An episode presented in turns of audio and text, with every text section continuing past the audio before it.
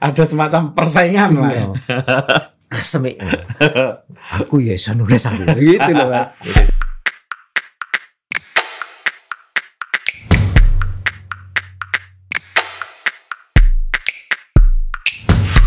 Halo teman-teman, ketemu lagi dengan saya Putut EA, Kepala Suku Mojo dan di sore yang menyenangkan ini karena situasinya asri, kami berada di rumah salah satu akademisi yang tahu banyak soal seni rupa di Indonesia. Pak Suwarno Wisetrotomo. Makasih Mas Putu. Sugeng Sonten. Sugeng Sonten Mas Putu. Terima kasih. Selamat sore. Terasa terus bugar ini kalau Pak Warno ini. Em, berusaha maksimal mungkin untuk berbahagia Hmm. biar bugar. Bugar itu kan diupayakan toh Mas. Ya, Tidak jatuh dari langit tapi diupayakan gitu. Nah, Hmm. jadi ya wah, berupayalah untuk rumahnya mewah, Oh iya persis. mepet sawah. Mepet sawah. Mewah dalam dua makna. mewah bener juga. Enggak yang, mepet sawah. yang paling bener mepet sawahnya itu. Itu terkenal dengan tem- di antara teman-teman di wah ru- rumah mewah gitu. Mepet sawah maksudnya. Dan beliau baru saja menerbitkan salah satu buku yang cukup penting di bagi khasanah seni rupa di Indonesia tentang kuasa rupa, kuasa negara. Kalau tidak salah, bukan kalau tidak salah, ini buku dari hasil disertasi ya, Pak Warno. Betul Mas, betul. Jadi oh, materi utamanya disertasi. Materi utamanya disertasi. Ya.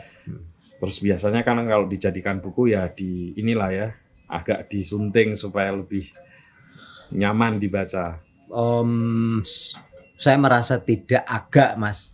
Cukup bekerja keras menyunting. Karena Menyunting ulang. menyunting ulang jadi sampai sampai blenger gitu kan membaca tulisan sendiri itu kan blenger Iya, Mas. bener. Jadi saya tetap uji nyali menulis dan membaca ulang. Itu luar biasa loh, Pak Warno. Karena saya termasuk penulis yang nggak mau baca lagi tulisan saya. Itu karena karena karena mau terbit karena memang hasratnya diterbitkan menjadi buku Iya. itu tak terelakkan Mas betul. Baik. Jadi saya makanya karena itu saya menyebutnya uji nyali. Uji nyali. Padahal mengerjakan disertasi sendiri sudah menguras energi. ya. Sudah menguras Jadi ada energi. trauma-trauma yang tersisa mungkin. Persis. Persis. Karena kebetulan saya punya banyak teman yang juga uh, punya efek-efek traumatik kalau mengerjakan disertasi. ya, Ya, jadi sekaligus di sini teman-teman ya, teman-teman saya yang lagi mengerjakan disertasi dan uh, apa ya mengalami kesulitan-kesulitan, tetap semangat ya. harus harus itu nggak boleh menyerah lah kalau udah di masuk ruangan itu gitu. Ya, betul. Sebenarnya apa sih kesulitannya kalau disertasi dibanding bikin tesis gitu ya? Ya ini sebagai orang yang mengalami ya.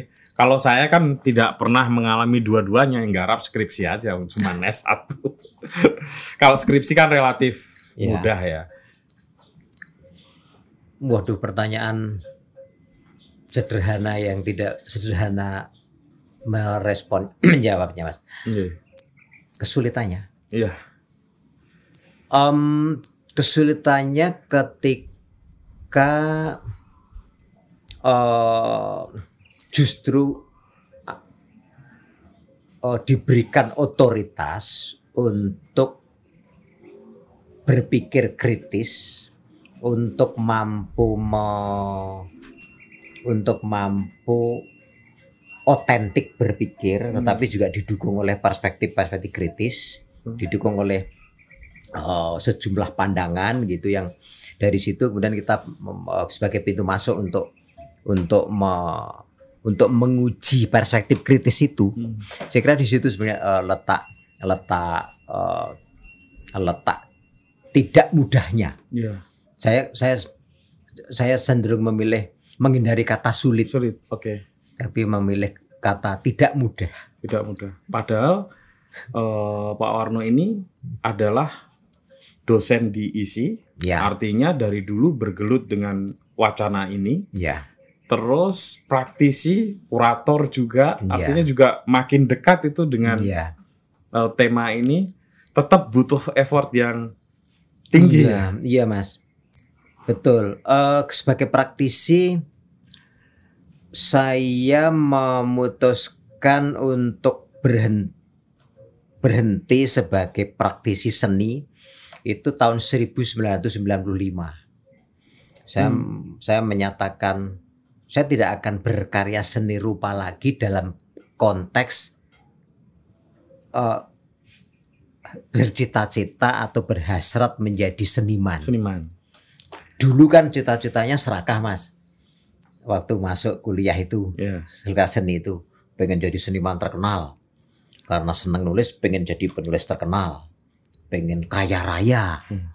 Pengen, ah pokoknya top lah, pengennya kan gitu. Tapi dalam perjalanan, saya menulisnya itu ternyata berapa passionnya di situ. Lalu kemudian tahu diri juga Hmm. tidak mung tidak saya tahu diri bahwa saya tidak punya tidak punya energi berlebih untuk memenuhi keserakahan itu. Jadi dulu waktu masuk isi pernah bercita-cita untuk jadi perupa juga.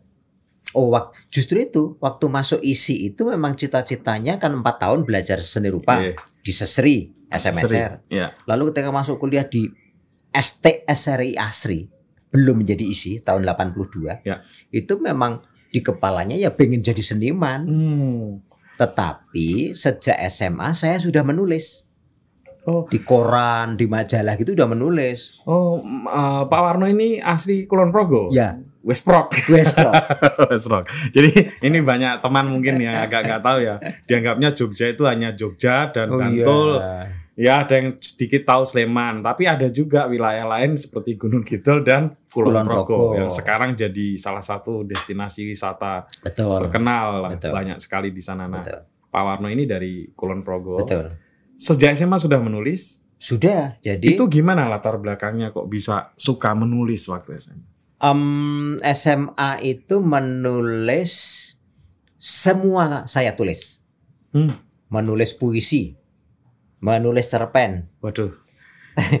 menulis puisi, menulis cerpen, menulis lalu tantangan berikutnya menulis seni. Bagaimana ceritanya? Hmm. S- saya termasuk generasi yang ditumbuhkan oleh media cetak. Ya.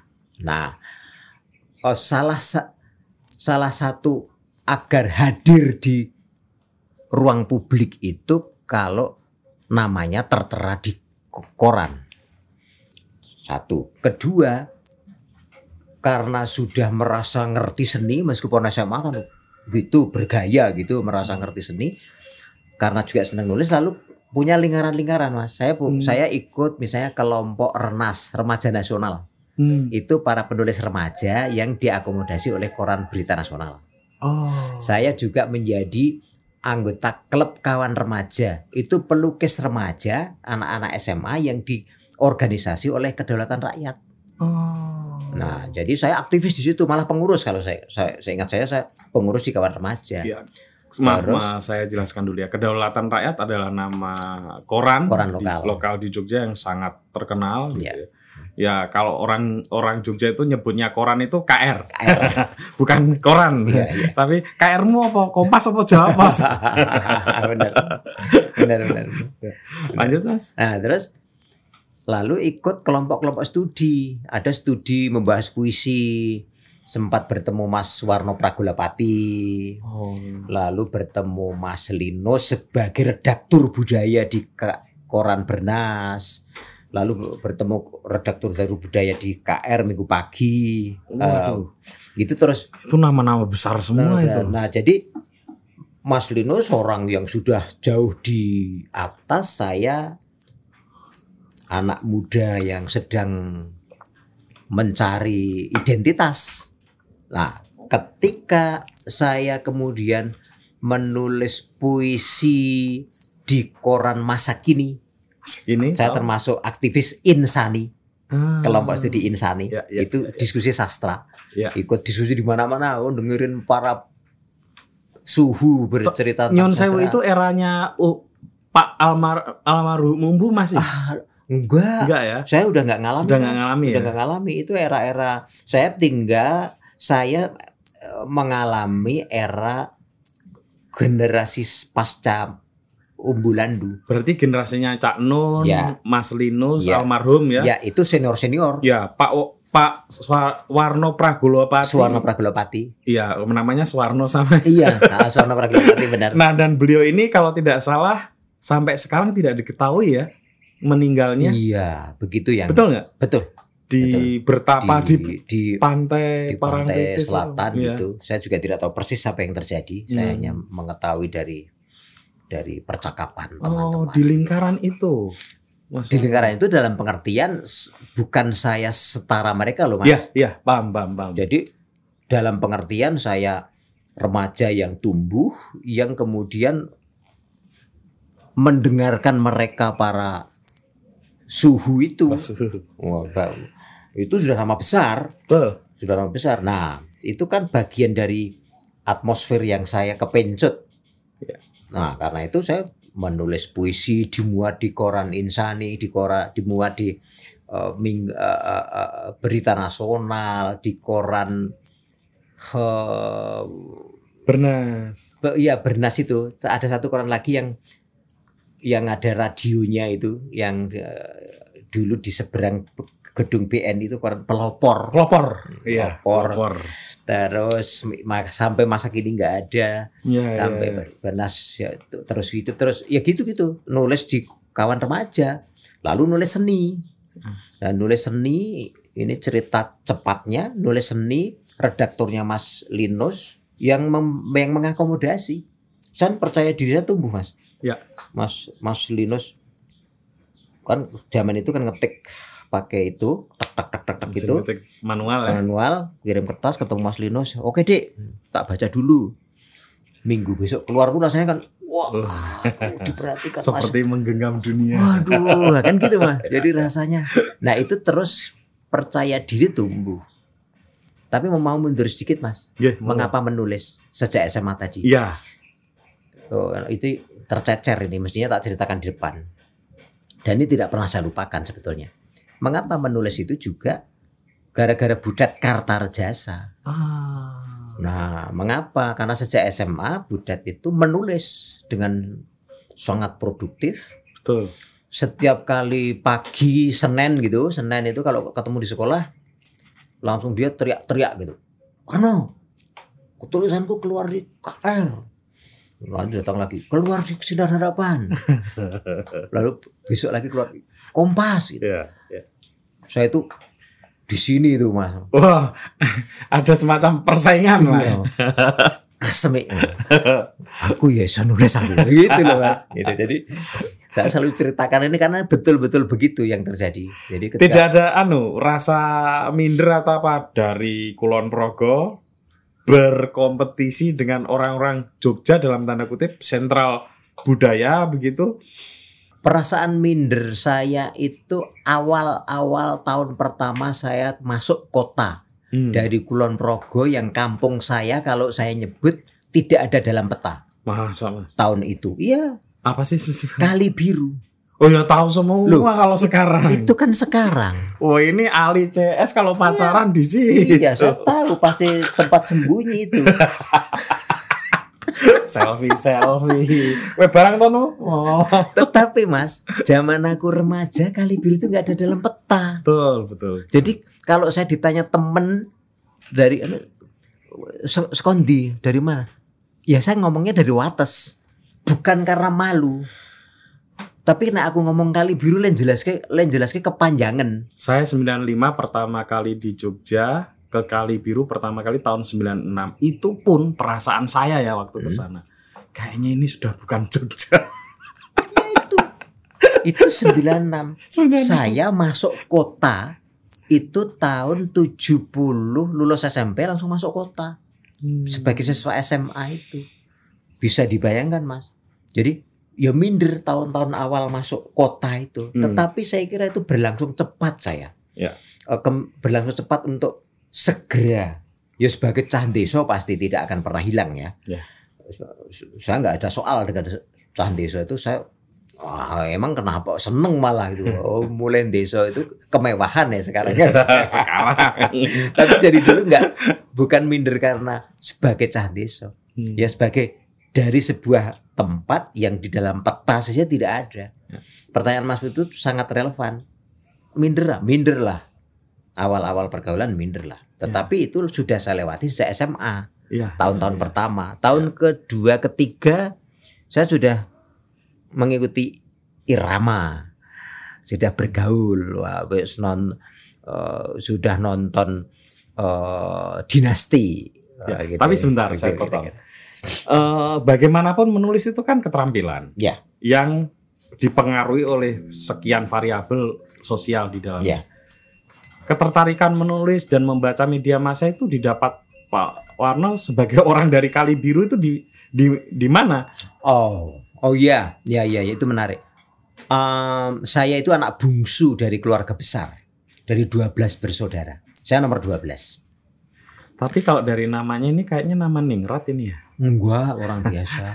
Enggak, enggak. Kalau orang Itu. biasa nggak akan menulis Wisetrotomo. ini akronim Oh. akronim akronim orang tua eh, dan kakek saya.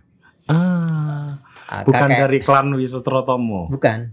Tapi itu dari situ nama Tomo ini nama ayah saya, Harjo Utomo. Hmm. Wisetro Tomo itu Wi itu dari Wirowijaya itu kakek saya lurah. Oh, Ya, gitu. Kan lurah. Ya, ya, ya, tentu saja. Ya. Dan jadi Wi- Wirowijaya itu lurah. Eh, Setrorejo itu nama kakek saya dari ibu, Harjo Utomo dari bapak. Ya. Nah, terus nama ini disematkan sebagai eh, cerita yang diringkus bahwa saya tidak bakal melup, tidak bakal lupa lah Oke. dari sejarah ini. Iya. gitu.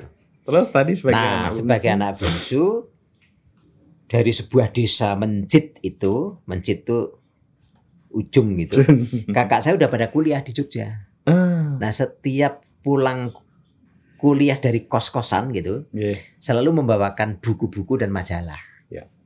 Nah, gitu. Ada majalah Si Kuncung waktu itu tentu saja waktu saya masuk SD. Terus eh, se- saya adalah pembaca perpustakaan SD paling rakus waktu itu. Sampai guru saya ingat sampai guru saya itu kebingungan karena stok perpustakaannya Habis. habis. Wah, kita ada mirip-miripnya itu. Oh, gitu. Oh, Jadi iya. jadi saya sampai ingat betul guru SD saya itu suatu ketika saya karena sudah haus gitu kehabisan bacaan terus guru saya itu berbisik dalam bahasa Indonesia tak gak tak ganti dalam bahasa Indonesia Iya, iya. eh tapi ini buku untuk dewasa loh Biasa. Iya. Jangan bilang-bilang ke temenmu ya Ya. terus saya itu merasa merasa jadi tiba-tiba merasa cepat dewasa gitu kan tapi karena itu tetap mengasihkan saya sangat berterima kasih pada guru guru saya itu yang begitu percaya Iya. dan terus menerus kalau saya pinjam buku di gimana caranya dipinjami dari perpustakaan itu dan kehausan saya itu membuat guru-guru SD saya itu entah bagaimana caranya menambah koleksi perpustakaan Hmm. karena iki warna iki moco kok cepet banget kentean stok ini kira-kira itu jadi Oke. terus kasak kusuk dengan dinas pendidikan atau apa minta ditambah koleksi terjadi seperti itu pada akhirnya nah itu saya kira yang membuat bekal ya. bekal Bekal, bekal, bekal literasinya cukup. iya karena memang oh, kerakusan membacanya semangat saya lah kalau bilang itu sejak itu terus terkondisi gitu Hmm. Nah lalu tadi sudah mulai menulis sejak SMA. Terus kenapa memutuskan masuk ke eh, S S- S3. SSRI SSRI SSRI? Em, sejak SMP saya sudah membayangkan masuk seni. Mengapa masuk seni? Kakak saya yang nomor tiga laki-laki itu kuliah di IKIP FKSS. Ya. Lalu kakak saya itu seneng gambar. Hmm. Kakak saya akhirnya menjadi guru. Guru seni rupa. guru seni rupa. Nah, sejak SD itu be- berbekal buku-buku sebagian buku-buku dalam bahasa Inggris yang saya belum bisa baca waktu itu. tapi ada banyak gambar. Oh, saya ingat betul peristiwa ini. Ada ada majalah yang memuat Sujoyono Hmm. dan saya belum tahu siapa Sujoyono dan reproduksi lukisan Van Gogh. Saya itu melihat dua karya ini dengan nama di belakang itu terpesona. Saya ingat betul "Ih, ini gambar kok api toh gitu. Dan saya nggak tahu itu siapa gitu. Hmm. Siapa terus itu satu. Kedua, kalau dal- kalau ada lomba-lomba seni saya wakil sekolah. Seni dalam arti melukis. Saya melukis. Oh. Lomba-lomba seni lukis saya pasti wakil sekolah. Berarti memang punya dasar-dasar Punya melukis dasar. juga. melukis dan selalu memenangkan kejuaraan entah nomor satu entah nomor dua entah nomor tiga pokoknya menang dalam lomba-lomba nah guru lagi-lagi guru SD saya nih Iya. guru SD saya itu men- entah bagaimana dia punya pengetahuan itu yang menurut saya luar biasa pada satu kesempatan di kelas mengatakan iki lo ini ini lo Suwarno itu kalau terus rajin bisa seperti Raden Saleh.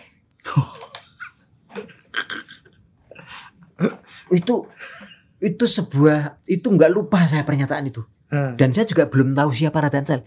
Guru saya cerita begini mas. Ah. guru saya SD saya itu cerita Raden Saleh itu pelukis kerajaan pinter gambar naik gambar itu persis sampai orang-orang terkecoh Betul. ini lukisan apa apa benda beneran Hmm. oh gitu gitu waduh itu ter termemori Ini enggak sampai ini enggak melukis bunga tiba-tiba kupu-kupu hinggap di sana. Deskripsinya kalau dulu guru SMP saya seni rupa gitu menggambarkan Raden Saleh. seperti itu dan lalat Lalat ya, Kayak lalat. Iya. waduh benda ada lalatnya itu termemori Iya. Wih, ini keren banget.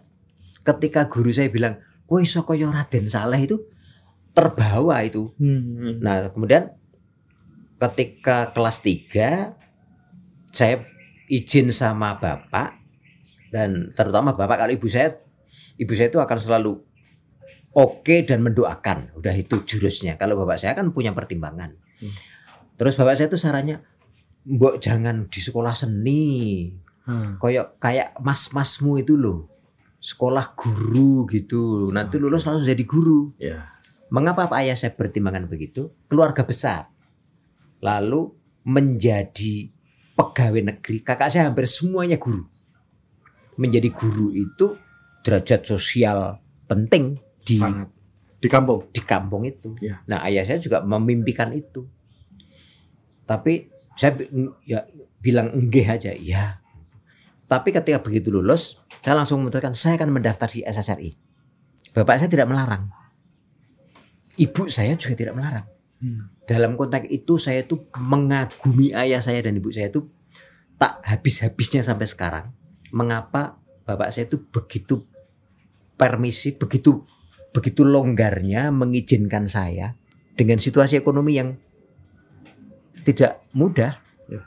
Saya tidak mengatakan orang tua saya miskin. Ya. Orang tua saya cukup, tapi karena keluarganya banyak dibagi-bagi. Jadi membiayai saya untuk sekolah di Jogja itu sebenarnya berat. Tapi bapak saya bilang, ya wes ora apa-apa. Hmm. Jadilah saya masuk sekolah seni yang sebetulnya itu bukan kehendak ayah, tapi ayah saya mendukungnya. Nah, terus kemudian ketika sekolah seni pengennya jadi seniman. Borosnya jadi seniman. Nah, itu tadi akhirnya memutuskan tahun 95 tidak menjadi seniman. Itu gimana ceritanya? Ah, karena sejak SMA menulis dan so- begitu kuliah terus menulis, Oh, terus menulis. terus menulis, Hmm. terus ada satu titik lagi nih mas, yang saya kemudian seperti menyala gitu kalau menulis itu membaca buku Teu, Profesor Teu, Iya. tergantung pada kata. Oke. Itu buku itu saya beli tahun 82 mungkin awal saya kuliah. Bukunya masih tak simpan dengan baik. Membaca itu saya juga ngungun. Ya. Terpesona tak habis-habis. Hmm. Ini orang ini membahas puisi kok kayak gini sih. Gitu. Saya itu terpesona habis. Lalu saya berpikir, Lah seni rupa kan sama seperti puisi. Hmm. Saya mestinya juga bisa menulis seni rupa kayak Profesor Teo, kira-kira gitu loh waktu itu. Oh. Terus saya udah mulai nulis seni rupa sebetulnya. Ya, ya. Jadi teman-teman pameran saya nulis gitu. Oh, terus saya tulis di koran, dikasih kesempatan dimuat. Tapi membaca Profesor Teo tergantung pada kata itu membuka oh, perspektif saya. Iki Profesor Teo ini dahsyat. Hmm. Kalau puisi, kalau lukisan karya seni rupa itu kayak puisi berarti saya bisa melakukannya dong. Betul. Suatu ketika. Saya waktu itu begitu. Tapi saat itu kalau boleh tahu waktu menulis seni rupa di Indonesia para penulis seni rupa yang hebat tuh Pak Sanento Giriman ya. Tahun itu Tahun itu. clipping saya meliputi Dan Suwaryono, Sudarmaji, Iya. Kusnadi, uh, Yuliman, uh, di sekitar itu. Hmm. Agus Dermawante, Oh, berarti Belakangan. Pak eh, siapa yang kurator Jim Supangkat. Pak Jis Iya, Angkat sudah ya? Ya, ya, James Pangkat, betul. Jadi jadi awalnya kolek eh, clippingnya kan Pak Kusnadi dan Suwaryono Sudarmaji. Terus ada pelukis penulis-penulis lain dan seterusnya La- lalu kemudian berikutnya Jim Supangkat eh, Agus Dermawante. Artinya itu yang di atasnya Pak Warno semua. Ya, Kalau yang di satu angkatan atau sedikit di atas Pak Warno siapa ya kira-kira waktu itu nama Budat Kartarjasa. Oh, oke. Budat karena dia juga nulis seni dengan Iya. sangat bagus Ya, ya. gitu. Tadi diputuskannya akhirnya gimana? Ah, terus em, saya masih masih merawat hasrat saya jadi seniman sebetulnya. Tapi frekuensi saya menulis itu lebih tinggi, lebih cepat, lebih banyak. Perhatian saya lebih pada menulis dan menulis dan membaca.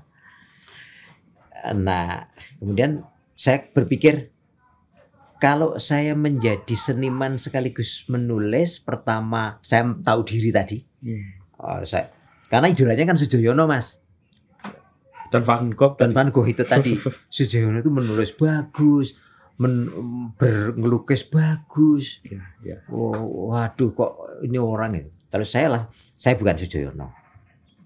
Saya enggak tidak punya kemampuan eh, apa eh, punya berpoligami dalam profesi itu. Hmm. Lalu saya oke tahun 95 ada pameran bersama seni grafis di Bentara Budaya itu eh, teman-teman grafis dan teman-teman pengajar lalu saya ada- te- te- pada tahun itu mengatakan ini kayaknya terakhir kali saya eh, Pameran. pameran kalaupun saya berkarya itu dalam waktu berikutnya bukan karena saya ingin jadi seniman tapi karena ya nggak bisa saya Ekspresi tinggalkan aja dong gitu iya ya. saya masih gambar terus. Iya. ini salah satunya karya ter- terakhir tahun Oh. 2020 saya masih gambar-gambar juga. Eh, o- obat rindu. Ya, Ini ya, betapapun itu bahasa yang nggak mungkin juga saya tinggalkan. Tapi tidak dalam konteks saya jadi seniman. Ya. Nah, karena itu oke, saya tidak berkarya dan pekerjaan mengkurasi sudah ada. Lalu waktu itu saya berpikir begini, sepertinya kalau saya menjadi kurator dan tetap menjadi seniman kok saya terbelenggu dengan selera selera nanti ya jangan-jangan. Saya Hmm. nggak bisa terbuka gitu.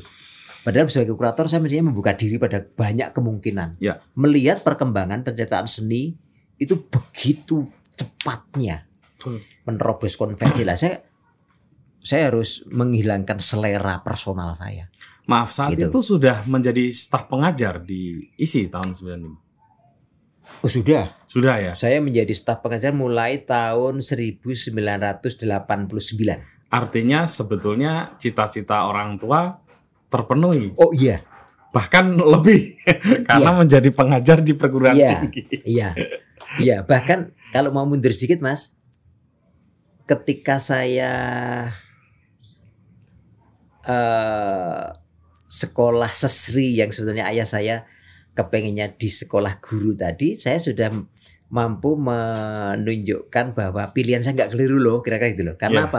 Ya memenangkan beberapa lomba Hmm. lomba lukis saya menang di SMA itu gitu. Bahkan biaya saya masuk kuliah itu hasil dari lomba sketsa oleh Sinar Harapan yang ngadain. Hmm. Saya juara dua, juara satu Garut Eko itu satu teman satu kelas. Hadiahnya bisa untuk bayar kuliah. Hmm. Dan saya- setiap kali itu saya pulang dan cerita sama bapak, ini loh pak, bapak saya senyum-senyum aja sambil kan gitu orang tua. Ya. Kalau senyum artinya lega hatinya gitu. Nah itu dipercaya untuk menjadi seorang dosen ada cerita di balik itu. Ada, Hmm. ada. Em, pada suatu ketika di semester-semester akhir, dosen saya namanya Pak Yohanes Eko Supriyadi, dosen senior di mata kuliah utama seni grafis di kelas studio, tiba-tiba bilang begini, saya, eh, eh, dek, besok kalau lulus bersedia jadi dosen nggak dek, bantu kita kita. Tanpa saya pikir panjang saya bilang bersedia pak. Hmm. Begitu aja bersedia. Hmm. Jadi, Kenapa tanpa pikir panjang? eh, Waktu itu kan masih pengen jadi pelukis. Karena juga begini, lagi-lagi eh, eh, eh, se- serakah. Hmm. Jadi seniman sambil jadi dosen juga bisa. Bisa. Karena ada modelnya. Iya betul. Ada Pak, Dosen-dosen istri Iya. dulu pelukis semua. ya. iya, ada Pak Nyoman, Pak Widayat, Betul. ada Pak Edir. Jadi ketika bilang, ketika ditanya gitu, siap Pak bersedia? Hmm. Ya udah. Nah, yang luar biasa dari Pak Eko ini, ini tidak bisa, tidak mungkin saya lupakan adalah saya lulus betul akhirnya pada tahun 87. Lalu saya lulus terus menulis di koran mana-mana gitu, penulis gitu. Terus saat ada formasi pembukaan pendaftaran jadi dosen, Pak Eko itu mencari ke rumah saya, Hmm. datang. Dek, ada pendaftaran, manggil saya Dek. Dek, ada pendaftaran. Tanggal sekian dari tanggal sekian syaratnya ini urus ya Dek. Tenan lo, daftar lo. Hmm. Saya itu mengerjakan itu dengan terharu karena tanpa Pak Eko saya kira nggak tahu apa betul saya jadi dosen kan. Karena Pak Eko begitu bersemangat Ya. meminta saya jadi dosen itu. Hmm. Tenan lo Dek, daftar lo. Saya penuhi saya, saya daftar testing macam-macam. Zaman itu kan masih ada screening, ada litsus, ada macam-macam yang mau akhirnya diterima sebagai dosen. Gitu. Pak Warno di buku ini eh, ada beberapa hal yang saya tangkap mau sebagai satu apa ya semacam kegerahan ya. Yang pertama adalah persoalan eh, kurator dan tulisan kuratorial dalam seni rupa Indonesia. Sebetulnya supaya pemba- apa pemirsa lebih jelas apa masalah yang diresah diresahkan oleh Pak Warno. Iya. Makasih Mas Utut, pertanyaan menarik. Latarnya pertama-tama saya kira saya sedang bukan saya kira. Saya sedang mempersoalkan perkara ekosistem seni rupa sebetulnya. Ya. Karena begini, karena eh, seni rupa ini dari dari kasus yang saya amati dan kemudian saya teliti tumbuh oh dengan kurva yang naik turun itu Hmm. sebetulnya tidak berada dalam sistem yang baik, tidak sistemik. Hmm. Itu pertama. Kedua, terkait dengan kurator dan proses kurasi, ketika saya mulai meneliti ini dan ketika saya masuk dunia kuratoral itu, saya mengatakan kurator ini kosakata dan kosa kerja baru Ya. dalam dunia seni rupa. Pekerjaan yang terbuka sekali. Hmm. Eh, tidak ada sekolahannya. Oh, itu adopsi langsung dari tradisi seni rupa modern kontemporer dari Amerika Eropa Iya, iya. dikomandai oleh Mas Jim Supangkat kira-kira gitu yang masuk di dunia itu lalu masuk di Indonesia itu menjadi kos itu tadi kosakata dan kosa kos kosa kerja baru yang oh silang sengkarut tumbuhnya Hmm. Am, silang sengkarut itu tidak saja dari sisi kuratornya tapi juga dari medan atau gelanggang seni rupanya itu sendiri Hmm. senimannya, publik seninya, kuratornya, kritikusnya, itu kolektornya kolektornya itu kalang kabut tanpa sistem tanpa tanpa acuan yang cukup jelas ini apa sih gitu. Hmm. Khusus kurator saya bahkan melihat saya kira bahkan sampai hari ini saya untuk mengatakan itu sebuah profesi juga masih gamang. Hmm. Saya kemudian jalan tengahnya yang moderat saya mengatakan ini pekerjaan. Oke. Mengapa profesi saya gamang? Profesi itu selalu diikat oleh asosiasi. Ada kode etik, ada Iya. aturan main Iya, yang iya. disepakati. Iya. Kurator mana ada? Iya. Tumbuh dengan liar gitu. Siapa saja tiba-tiba bisa jadi Bisa kurator. jadi kurator. Iya. Nah, bagi saya itu sebuah lubang yang serius kalau tidak segera ditata. Hmm. Karena itu karena itu penting uh, mengidentifikasi kurator itu apa, siapa, mengapa, bagaimananya harus jelas. Hmm. Sebenarnya ke, di situ uh, mengapa lalu saya ingin melihat praktek kurasi itu dalam tegangan dalam banyak pihak pada dengan banyak pemangku kepentingan itu. Iya. Artinya sebetulnya dalam perjalanan ketika pertama kali pekerjaan kurator itu ada sampai sekarang itu lebih lebih sering bikin kacau atau lebih mendinamisir dunia seni rupa di Indonesia. Kurator. Ya, Yang kedua Mas Budut, lebih mendinamisir. mendinamisir ya. Karena di awal kekuratoran itu ada dan ketika diskusi-diskusi kurasi itu sering berlangsung, saya mengatakannya begini pakai analog. Ya. Em, kurator, eh, gini saya mulainya. Ada toko kelontong. Oke. Lalu ada supermarket sebagai kultur baru. Hmm. Toko kelontong ini apa-apa juga ada, lengkap. Mungkin le- mungkin lengkap. Ya. Tetapi karena sistem penataan dan seterusnya itu Hmm. seperti kelontong yang selama ini kita kenal Iya. itu, maka kalau kita belanja ke situ, oh itu mengandalkan ingatan pemiliknya, pegawainya kalau nggak hati-hati bongkari semua, mau Hmm. minta barang X, bongkar dulu seluruh rak gitu. atau kacau. Gitu. Kuras kurator dan proses kurasinya itu bekerja untuk menata seperti kalau toko kelontong ini ibarat pameran, Ya. maka kurator itu bekerja membuat pameran seperti supermarket. Ya. Oh, di sini bumbu masak, di sini alat dapur, di sini ditunjukkan. Lalu eh, pengunjung supermarket terpandu. Oke. Kurator sebetulnya mendinasi, mendinamisasi dalam pengertian memandu publik. Ya. Hmm. Karena kerangka kerja, visi, ideologi, pendekatan, pilihan seniman itu diartikulasikan. Hmm. Lalu penonton datang dengan panduan itu boleh menolak, boleh tidak setuju, boleh mendiskusikannya. Tetapi di buku ini eh, Anda dengan jernih itu melihat juga bahwa pada banyak hal kurator mengalami ketegangan dalam relasi kuasa. Ya. Termasuk soal negara Ya. di dalam seni rupa. Bagaimana soal itu? Iya, Mas Budut. negara, pasar gitu ya. Betul. Ya. Persis. Nah, melihat silang sengkarut itu melebar ke seluruh as ke seluruh aspek. Jadi apa yang saya sebut sebagai apa yang saya sebut sebagai terjadinya tegangan itu begini. Kalau melihat contoh kasus yang saya lihat Ya. dengan seksama ini begini. Hmm. Oh, saya akan melihatnya kasusnya di ujung Orde Baru. Jeng- orde ya. Ya, Hmm, ada ada empat eh, ada empat pameran. Jadi pameran kias, betul. pameran ge- gerakan hewan non blok dan seterusnya itu.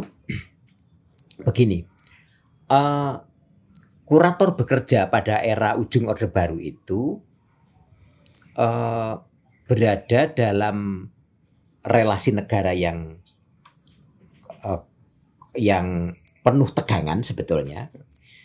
Problemnya begini, peristiwa pameran di peristiwa pameran di ujung di ujung Orde Baru itu berada dalam negara yang kuat Kuat untuk tidak menyebut otoriter. untuk tidak menyebut otor- otoriter dengan dengan ideologi-ideologinya dengan kerapuhan perhatiannya pada seni Iya. ini men- ini unik Ya. Mau Saya- kuat tapi sebetulnya nggak mengintervensi, Nggak banyak membantu, gitu Iya. kan? jadi yang namanya seni itu disebutkan dalam GBHN ada saya kutip di situ Iya. Nggak ada plot anggaran kok pameran seni. Betul. nggak ada. Itu anggaran kecil yang yang nyungsep di Kementerian Pendidikan dan Kebudayaan gitu yang entah apalah gitu. Gitu. Kayaknya perlu ditambah air minum tuh. Eh, penting karena gitu. Eh. jadi ini tegangan kedua Hmm. di tengah Udah nggak bantu apa-apa, duit enggak, Iya. tapi pengennya mengintervensi. Iya, gitu. pengennya seni itu anu Anut kekuasaan. anu kekuasaan dan seni itu anu hiburan. ah, Nah, seni, cukup sebagai hiburan. eh, seni itu hiburan. Pokoknya yang menyenangkan negara toh. Kan karena gitu. Iya, iya, iya. Nah, ini tegangannya serius. Tetapi yang menarik justru pekerja kurator itu mampu berkelindan di sini dan berkelit. Hmm. Pameran Kebudayaan Indonesia di Amerika Serikat tahun 1990 dan 1991 itu kerja kurator yang Subversif loh. subversif, Iya. cium gitu, ambil di tikungan Iya, iya. yang kalau negara sebetulnya paham seni belum tentu lolos tuh. Betul. Jadi ada blessingnya juga Iya. dengan situasi itu dari segi konten dan Dari dari, segi segi konten. materi. Dari segi biaya nggak ada biaya. Lalu bagaimana kok bisa terjadi? Hmm. Menurut pandangan saya, termasuk pameran seni rupa gerakan se- se- termasuk pameran seni rupa kontemporer negara negara anggota gerakan non blok Hmm. tahun 95. Itu pameran luar biasa. Ada 60 negara yang yang mengirimkan karyanya kerjasama dengan para duta besar dan sebagainya. Dua-dua ah, kalau kias itu kemudian dikomandani oleh diplomat ulung Profesor Mohtar Kusuma Atmaja Oke. mampu berkel mampu menggandeng korpo- korporasi-korporasi besar Oke. untuk membiayai. Kuratornya bekerja dengan gagah berani membela ideologi seni bahwa ini penting untuk dibawa. Polemiknya saya Ya. bongkar di situ. Iya. Pol- Panjang sekali. Polemik panas itu. Panas sekali. Itu membuat gerah banyak orang gitu Iya, kan. iya, iya. Aduh panas. Mas saya menulis Dan termasuk ada eh, para perupa yang kena korban gestok ya, ya. yang bisa lolos bahkan. Iya, iya, iya. Nah, Yang mungkin di sastra pun belum tentu. iya. Iya kan? Nah. Bukunya Pram Iya. dibakar apa Iya, dilarang. iya. Tapi di seni rupa masih ada kemungkinan Itu. Mas Butut. Itu menurut saya Hmm, hmm, hmm. oposisi kurator itu kekeh dan tapi yang menarik itu bahwa seluruh polemik itu diselesaikan oleh Profesor Mohtar Kusmuatmaja Iya, yang mengatakan nggak penting senimannya siapa, yang penting karyanya bagus. Luar biasa. Selesai itu Padahal Mustar Kusuma Atmaja ada orang penting dalam representasi, presentasi negara. negara, orang Ah. Orde Baru. Orang udah- Nah itu menurut saya wah keren. Tapi selain beliau kan ada Pak Adam Malik ya, yang juga seorang kurator, eh, kolektor Betul. benda seni yang juga banyak mengakomodasi para perupa. Tapi dalam konteks seni rupa kias ini, kebudayaan Indonesia di Amerika Serikat ini sepenuhnya sepenuhnya Pak Mohtar dan tim Tim. dan kurator gitu. Pak Adam Malik sudah tidak tidak punya peran dalam peristiwa itu. Nah, oh yang peristiwa kedua yang pentingnya ya, ya pameran seni rupa non blok itu. Ya. Mengapa itu bisa terjadi? Pameran dengan skala sangat besar Hmm. mengundang top pemikir-pemikir internasional datang ke Jakarta dan bikin seminar sangat bagus. Ya. Awal-awal percakapan tentang seni rupa kontemporer yang saya lihat pada akhirnya terletak pada seorang yang bernama orang yang sangat saya hormati, Hmm. Profesor Dr. Edi Setiawati. Oh. Yang dalam waktu itu posisinya adalah Direktur Jenderal Kebudayaan. Dirjen Kebudayaan. pameran seni rupa internasional dengan skala seperti itu nggak ada anggarannya.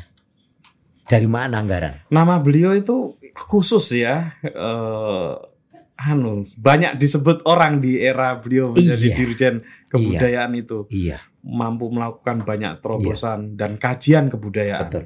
Taman Budaya oleh Bu Edi Iya, ya, iya. seperti itu. Betul. Produk pengetahuannya banyak Banyak, betul. itu. Keberanian menempatkan satu peristiwa seni pada posisi penting ini penting loh. Dan dia dan beliau langsung meyakinkan oh, banyak pihak atasannya. Pak Harto menulis sambutan di katalog pameran seni rupa. Ini menurut saya kan peristiwa tak terulang. Enggak terulang itu, Bang. Enggak terulang peristiwa itu. Satu-satunya peristiwa yang Pak Harto bikin kata pengantar. Yang mungkin beliau tidak tahu apa isinya sebetulnya. Karena Tapi sama- menjadi legitimasi bagi Legitimasi. pameran itu sendiri. persis. Karena kan bagaimana orang kayak Tesna itu karyanya juga bengal di ruang pameran gitu. Betul. yang mengkritik kekuasaan. Nah, di situlah sebetulnya kurator itu berada dalam tegangan kekuasaan, tegangan oh, apa ne- bernegosiasi begitu begitu banyak cara dengan kekuasaan, dengan seniman. Ya. Gitu. Dengan situasi ekonomi yang sungguh tidak mendukung sampai di ujung era era, era orde baru itu. Gitu. Saya tidak akan lanjutkan yang tahapan selanjutnya karena ada juga yang menurut saya penting untuk saya soroti. Sekalipun bukan materi inti di buku ini, tapi Pak Warno di buku ini juga melihat atau meresahkan perkembangan seni rupa mutakhir di Indonesia yang miskin wacana begitu Oh, atau kurang mendapatkan bobot konten yang semestinya. Apa persoalannya, Pak Warno? Am, pertanyaan tidak mudah, Mas. Tapi begini, itu betul. Setidak-tidaknya sampai pada eh, kurun waktu kasus ini, eh, Ya. s- eh, kasus studi ini. Ya. Mengapa itu terjadi?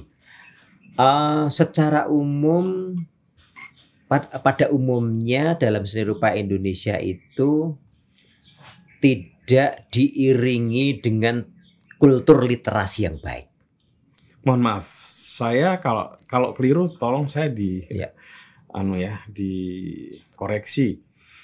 Seni rupa di Indonesia ini tumbuh dalam situasi sosial Indonesia yang ter- selalu terkait erat gitu ya. Zaman revolusi, eh, Ya. zaman pol- polemik kebudayaan lekra dan lain sebagainya, ada turba.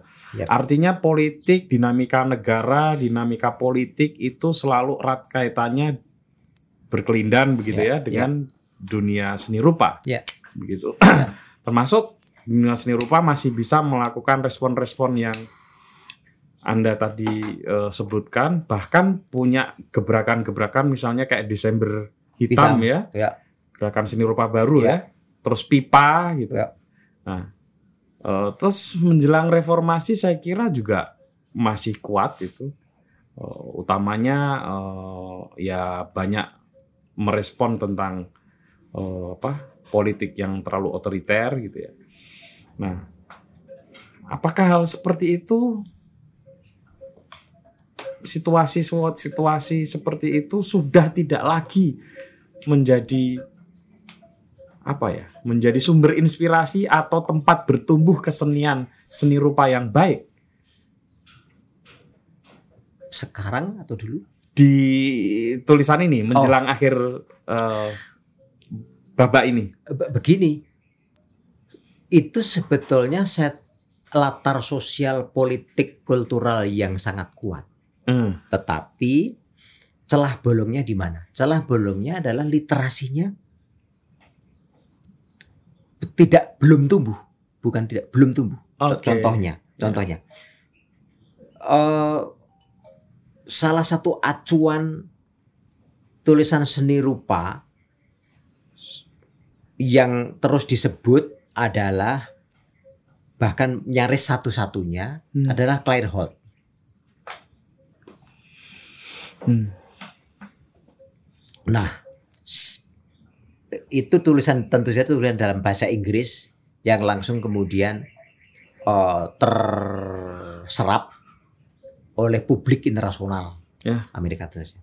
Setelah itu sebenarnya tradisi tradisi tulisan itu nyaris tidak tumbuh dengan baik. Jadi eh, kekosongan kekosongan literasi ini menjadi masalah serius menurut Hmm. saya. Oh. Jadi kit- hampir kesulitan menemukan referensi seni rupa Indonesia, Hmm. apalagi ngomong sejarah seni rupa. Hmm. Nah, yang saya gelisahkan sampai hari ini bahkan adalah begini. Hmm. Peran-peran seni rupa yang selalu terrelasi dengan dinamika sosial politik kebudayaan di Indonesia itu kalau kita menengok pada buku sejarah nasional Indonesia Ya, ya. tak sepotong pun membicarakan para sejarawan itu Membicarakan, membicarakan seni rupa. Artinya peran. Contoh-contoh yang paling eh, telanjang di depan mata misalnya apakah dalam sejarah nasional Indonesia peran seperti Edi Sunarso yang mendapat Hmm. proyek-proyek seni mercusuar Suar dari di Bung tengah Karno ya. Indonesia sulit oh dari Bung Karno itu menjadi bagian penting Hmm. dari dari proses menjadi Indonesia. Kalau dalam hal ini sastra lebih beruntung, jauh lebih beruntung Hmm. karena selalu disebut kan Betul. sastrawan era yang paling enggak walaupun Ya. agak agak anu ya, Ya. agak eh, riak-riaknya Iya. tapi orang tahu Iya. seniman angkatan 45 apa sastrawan angkatan Iya. 45 Iya. dan seterusnya. Iya. Polemik kebudayaannya juga tercatat dengan Betul. baik.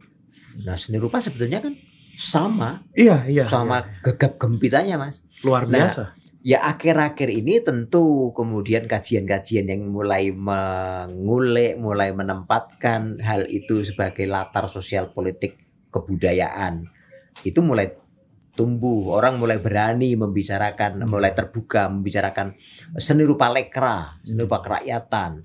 Eh, di, di dunia film mulai ada buku-bukunya Wijaya Herlembang, eh, Wijaya Herlembang misalnya Ya. dengan eh, dan seterusnya. Seni rupa mulai banyak tulisan yang terus mengulik Hmm. eh, peran-peran eh, seniman apa peran seniman di dalam latar sosial politik kebudayaan seperti itu.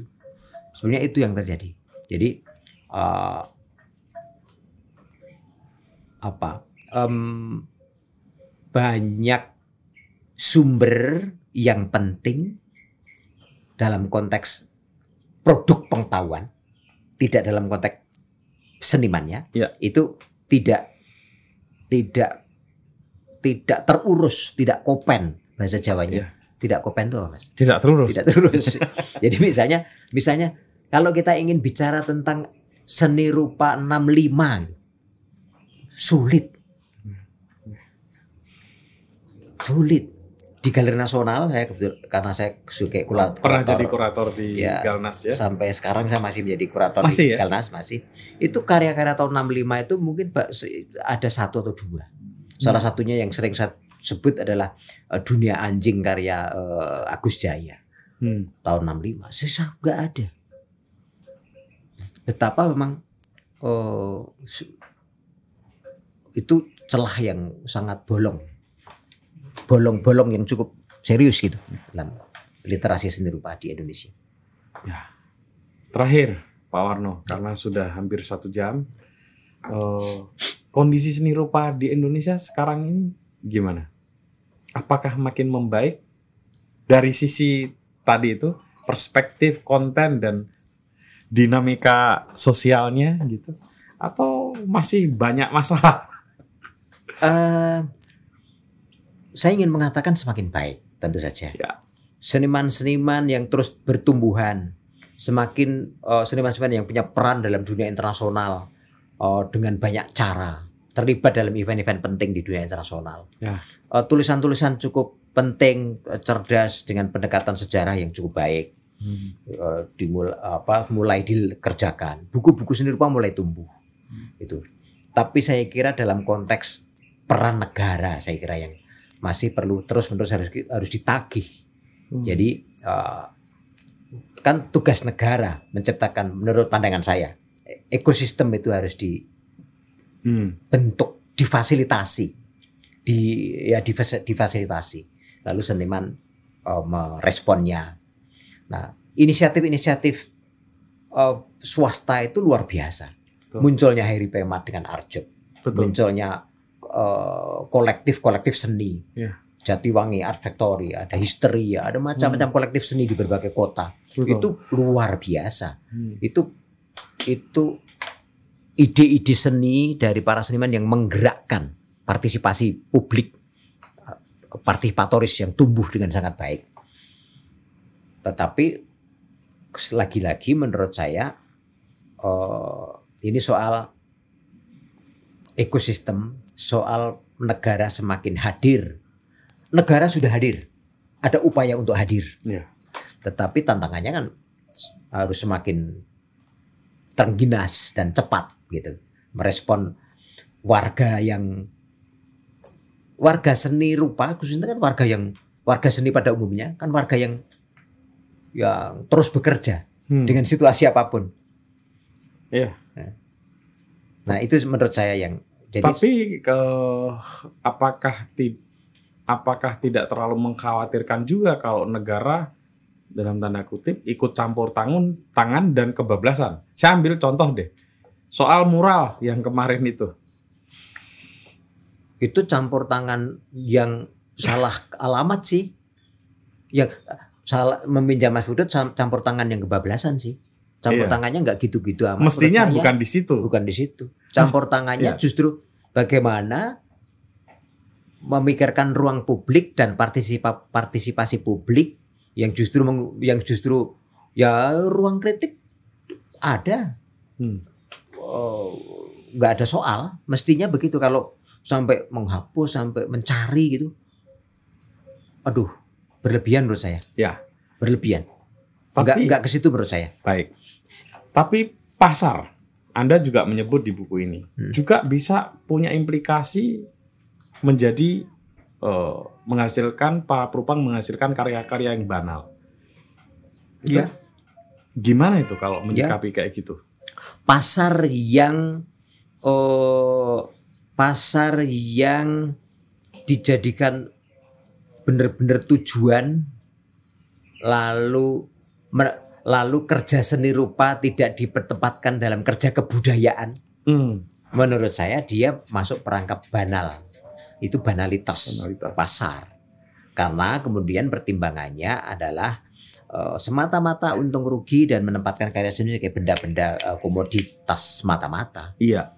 nah menurut saya itu titik banal Oke. gitu Artinya di sisi itu juga perlu diwaspadai. ya Dan di sisi itu Ya. sebetulnya peran kurator sebenarnya penting. iya karena karena tadi itu kan berada di wilayah pemanaan dan produk pengetahuan Betul. yang bisa me, oh, yang yang bisa kalau saya kan sering berseloroh tugas kurator itu pertama-tama tuh mengganggu seniman Iya. diganggu aja seniman tuh Iya. karena kalau tidak diganggu seniman tuh bisa kepleset gini tuh mas menjadi raja midas loh yang disentuh seolah semua baik dan benar enggak lah gitu. Dan payu. dan payu enggak lah gitu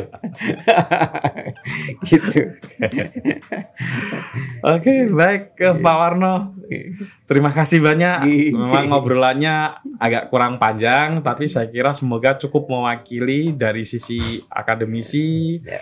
eh, dan pemikir seni rupa dan pengamat, juga sekaligus eh, orang yang tahu banyak lah tentang perjalanan seni rupa di Indonesia. Teman-teman, ini buku yang sangat penting.